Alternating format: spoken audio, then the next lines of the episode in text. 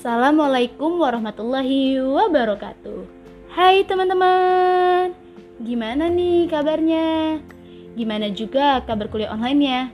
Hmm, pasti udah mulai pada bosen ya? Nah, untuk ngisi waktu bosan kalian, bisa banget nih dengerin podcast dari Ekotika, yaitu podcast tentang berwirausaha. Cocok banget buat kalian yang sedang merintis atau memulai usaha baru, atau bahkan baru ada niatan untuk memulai usaha. Sebelum podcastnya dimulai, perkenalkan dulu, nama saya Setia Dinda dari Matematika 2018. Podcast kali ini kita akan berbincang-bincang dengan seorang narasumber yang luar biasa. Siapa ya kira-kira? Penasaran? Langsung aja yuk kenalan sama kakaknya. Assalamualaikum warahmatullahi wabarakatuh. Perkenalkan nama saya Merlinda Krisdianti. Saya dari Bumiayu, Brebes, Jawa Tengah. Saya masih berkuliah di UNSUD, tepatnya jurusan Matematika, Fakultas MIPA. Hai Kamerlinda. Nah, teman-teman, jadi Kamerlinda ini dari jurusan Matematika angkatan 2016. Nah, dari yang aku tahu Kamerlinda ini udah punya usaha loh dan pengikutnya juga udah lumayan banyak. Yuk langsung aja kita tanya-tanya ke Kamerlinda seputar usaha yang ia rintis. Hai Kak, uh, aku mau tanya nih, apa sih barang atau jasa yang Kakak jual? Terus kenapa sih Kakak milih barang atau jasa tersebut untuk Kakak jual? Saat ini saya sedang menggeluti usaha jualan batik. Saya memiliki toko online 84 Batik, bisa dilihat di Instagram dan bisa di-follow juga IG-nya 84 Batik. Nah, 84 Batik ini melayani penjualan batik dari mulai model anak-anak sampai dengan dewasa. Kemudian kita juga menerima pembelian satuan maupun grosir. Kita juga sering menerima pesanan seragam dari banyak organisasi dan komunitas-komunitas. Kemudian sekarang kita juga sudah menerima pesanan jasa penjahitan pakaian. Saya memilih berjualan batik karena batik ini merupakan salah satu warisan budaya Indonesia dan batik ini sekarang sudah modern, tidak lagi tradisional seperti anggapan orang-orang dahulu. Kemudian batik saat ini juga sudah bisa dikenakan oleh kalangan apa pun dari mulai anak-anak sampai dengan orang dewasa. Batik itu kan juga pakaian yang mana pakaian itu tidak ada masa kadaluarsanya jadi awet ketika tidak laku bisa kita pakai sendiri ataupun kita bisa keluarkan lagi untuk penjualan tahun berikutnya Wah, bagus banget ya. Selain kita dapat keuntungan dari penjualan batik, kita juga dapat melestarikan budaya yang ada di Indonesia, tentu bagi penjual dan pembelinya. Nah, sejak kapan sih Kak, Kakak e, merintis atau menjual usaha batik ini? Saya memulai merintis usaha itu sejak awal kuliah, sekitar pertengahan semester 1. Dulu saya tidak berjualan batik, saya pernah berjualan kaos kaki, kemudian manset tangan, kemudian ciput atau dalman kerudung, kemudian jilbab juga. Nah, dulu juga saya sering ikut bazarnya Rohis Mipa, Unsut. Itu awal saya merintis usaha. Banyak juga ya ternyata barang yang pernah dijual oleh Kamerlinda. Eh, kira-kira awalnya apa sih yang bikin kakak berani untuk memulai suatu usaha, mulai dari berjual ciput hingga berjualan batik? Yang membuat saya berani untuk memulai usaha adalah tuntutan kebutuhan yang semakin hari semakin banyak. Kita sebagai anak kuliah diberi uang saku oleh orang tua segitu-gitu aja, sedangkan kebutuhan kita semakin tahun semakin banyak. Jadi saya berpikir bagaimana caranya untuk memutar uang agar uang itu bisa menghasilkan keuntungan untuk kita sebagai tambahan uang saku kita ketika kuliah. Itu yang buat saya berani yang pertama. Kedua adalah restu dari orang tua itu sangat penting. Itu juga menambah keberanian dalam diri kita. Dan yang ketiga adalah tekad dari dalam diri itu juga sangat penting dan menjadi faktor juga yang buat kita berani untuk memulai. Nah, betul banget nih yang dibilang Kamerlinda. Kebutuhan yang semakin banyak akan memaksa kita untuk tetap memenuhi kebutuhan tersebut. Salah satu caranya adalah dengan berjualan. Nah, mau sedikit bertanya nih Kak, berdasarkan pengalaman pribadi. Jadi saya pernah beberapa kali mencoba untuk berjualan. Salah satunya yaitu berjualan kos kaki dan juga berjualan kerudung. Yang jadi permasalahan adalah semangat berjualan saya sering naik dan juga sering turun. Mungkin karena memang saya anaknya kurang tekun. Sehingga dalam proses berjualan ini dirasa sangat kurang maksimal. Nah, sebenarnya gimana sih Kak cara agar uh, kita tuh tetap tekun dalam menjalankan sebuah usaha? Untuk kalian yang sudah punya passion untuk menjadi pengusaha, kalian pernah mencoba tetapi hanya sebentar hanya karena tidak tekun kemudian berhenti, itu adalah sesuatu yang salah ketika kalian bercita-cita untuk menjadi pengusaha. Kenapa? Karena tidak ada seorang pengusaha yang tumbuh sukses dengan instan. Semuanya dimulai dari proses. Jadi, kuatkan lagi tekad di dalam dirimu. Kalau kamu niat untuk jadi pengusaha, ya kamu harus tekun. Dan dengan meniatkan diri untuk bertekad lebih tekun lagi maka kamu akan tekun dengan sendirinya. Saya dulu pernah berjualan kaos kaki. Ketika kaos kaki mulai tidak laku saya berjualan manset tangan. Ketika sudah tidak laku lagi saya berjualan jilbab gamis terus seperti itu. Sampai saat ini saya berjualan batik dan konsisten untuk berjualan batik dengan sambilan yang lain juga. Begitu, jadi jangan berhenti untuk berproses. Nah, jadi tipsnya adalah kita tetap harus bertekad dan tetap tekun dalam menjalankan usaha kita. Ketika semangat kita mulai kendor, kita ingatkan lagi apa tujuan dan niat awal kita dalam merintis usaha tersebut.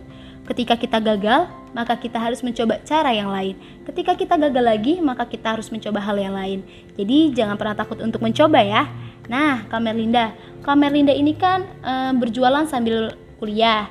Apa sih kak keuntungan berjualan sambil kuliah? Terus gimana juga cara kakak membagi waktu antara kuliah dengan berjualan? keuntungan jualan sambil kuliah yang pertama ya kita jadi punya uang jajan tambahan ya. Kemudian melatih kita untuk hidup lebih mandiri juga. Cara membagi waktunya gimana? Cara bagi waktunya ya saat kita kuliah kita fokus kuliah. Saat kita di kosan kita jadwalin tuh kapan kita belajar kapan kita mainan HP buat online shop gitu sih itu aja dan yang terpenting adalah konsisten. Ketika kita sudah membuat jadwal ya harus dijalankan jadwal yang kita buat. Selain keuntungan yang kakak dapat nih pastikan uh, ada tantangannya dalam menjalankan berjualan sambil kuliah. Nah mau tanya nih kak apa sih yang jadi tantangan atau penghambat dalam menjalankan usaha kakak selama ini? Terus gimana cara kakak dalam menghadapi tantangan atau penghambat tersebut tantangan dalam menjalankan usaha ini sebenarnya ada banyak, tetapi ada dua tantangan yang menurut saya itu menjadi tantangan besar selama saya menjalankan usaha ini. Pertama adalah keterbatasan modal. Nah, keterbatasan modal ini terjadi karena usaha yang saya rintis ini adalah modal pribadi. Otomatis semua modal dari saya pribadi. Nah, ketika modal saya habis, ya otomatis mungkin usaha saya berakhir gitu. Tapi saya mencoba komunikasi dengan teman dan saudara. Nah, akhirnya saya menemukan solusi untuk join modal dengan presentasi keuntungan kita sepakati di awal. Karena ketika kita meminjam uang di bank misalnya, kita kan belum punya jaminannya gitu. Saya tidak mau melibatkan orang tua dalam mengadakan modal untuk usaha saya ini. Maka dari itu, lebih baik saya join dengan saudara ataupun teman.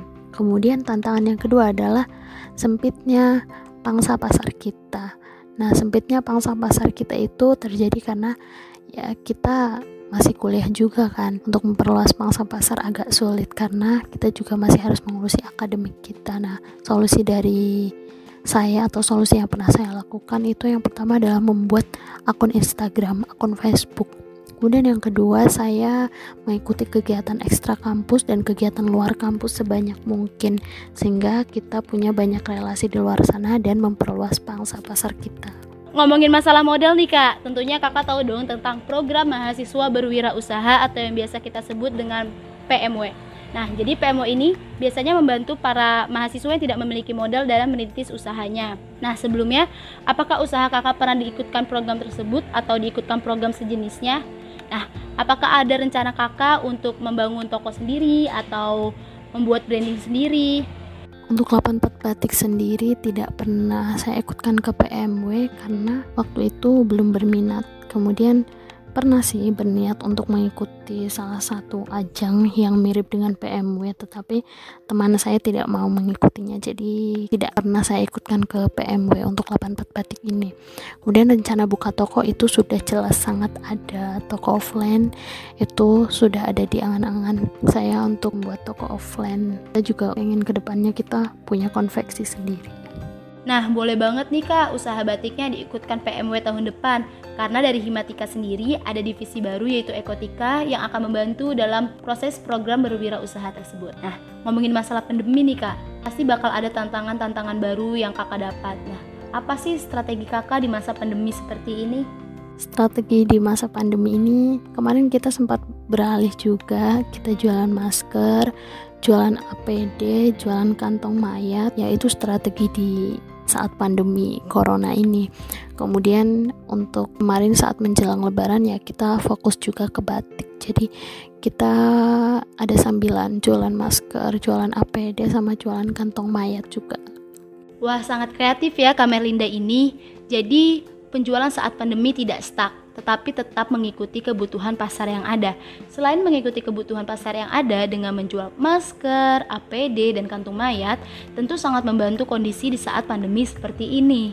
Nah, selanjutnya nih Kak, eh, apa sih strategi Kakak ke depannya dalam usaha Kakak? Apakah sudah terbayang ke depannya usaha Kakak akan dibawa seperti apa? strategi usaha ke depan kita pengen kan bikin toko offline biar ya kita bisa berjualan online ataupun offline gitu kemudian kita juga pengen punya konveksi sendiri biar proses jahit menjahit itu tidak perlu jauh-jauh. Proses produksi bisa kita mulai sendiri begitu. Kemudian strategi berikutnya juga kita mungkin akan memperbanyak iklan di media sosial. Iklan di media sosial itu kan butuh modal yang banyak gitu. Untuk sekarang kita masih jarang sih untuk iklan di media sosial meskipun pernah mencoba tapi belum seintens orang-orang di luar sana gitu tapi itu ke depan jadi strategi kita juga karena keuntungannya juga cukup lumayan ketika iklan itu masif dan ada di media sosial selama berhari-hari Oke, selanjutnya kesan dan pesan nih Kak. Gimana sih kesan kakak selama menjalankan usahanya dan apa pesan untuk mahasiswa yang ingin memulai usaha? pesan selama menjalani usaha hmm, kesannya asik. Terus juga menjadi pengusaha itu tantangan buat diri kita sendiri ya bagaimana kita mengasah kekreativitasan kita. Kita juga harus membaca dinamika pasar seperti apa. Kemudian kita harus mencari strategi-strategi agar kita tidak gulung tikar agar kita tidak berhenti usahanya gitu. Jadi ya asik.